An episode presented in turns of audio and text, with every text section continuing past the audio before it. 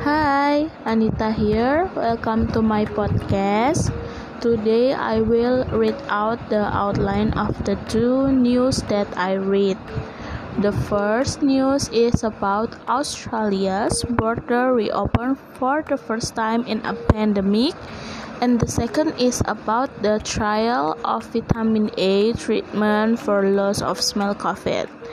Let's get started.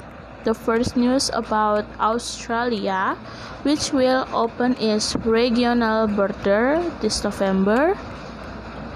This news makes Australian citizens very happy because they seem to have been released from prison for the past year.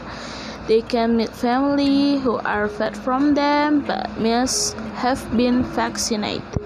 The second and last news is about vitamin A, which can help throat loss or change in the sense of smell.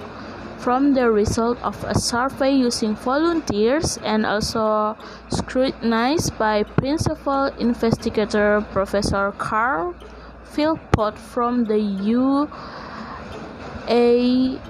UEA Norwich School of Medicine and James Paget University Hospital and NHS.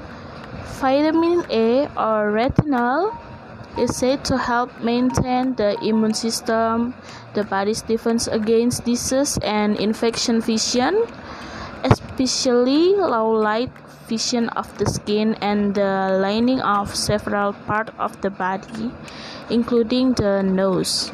Okay, that's all from me. See you in the next podcast episode. Bye bye.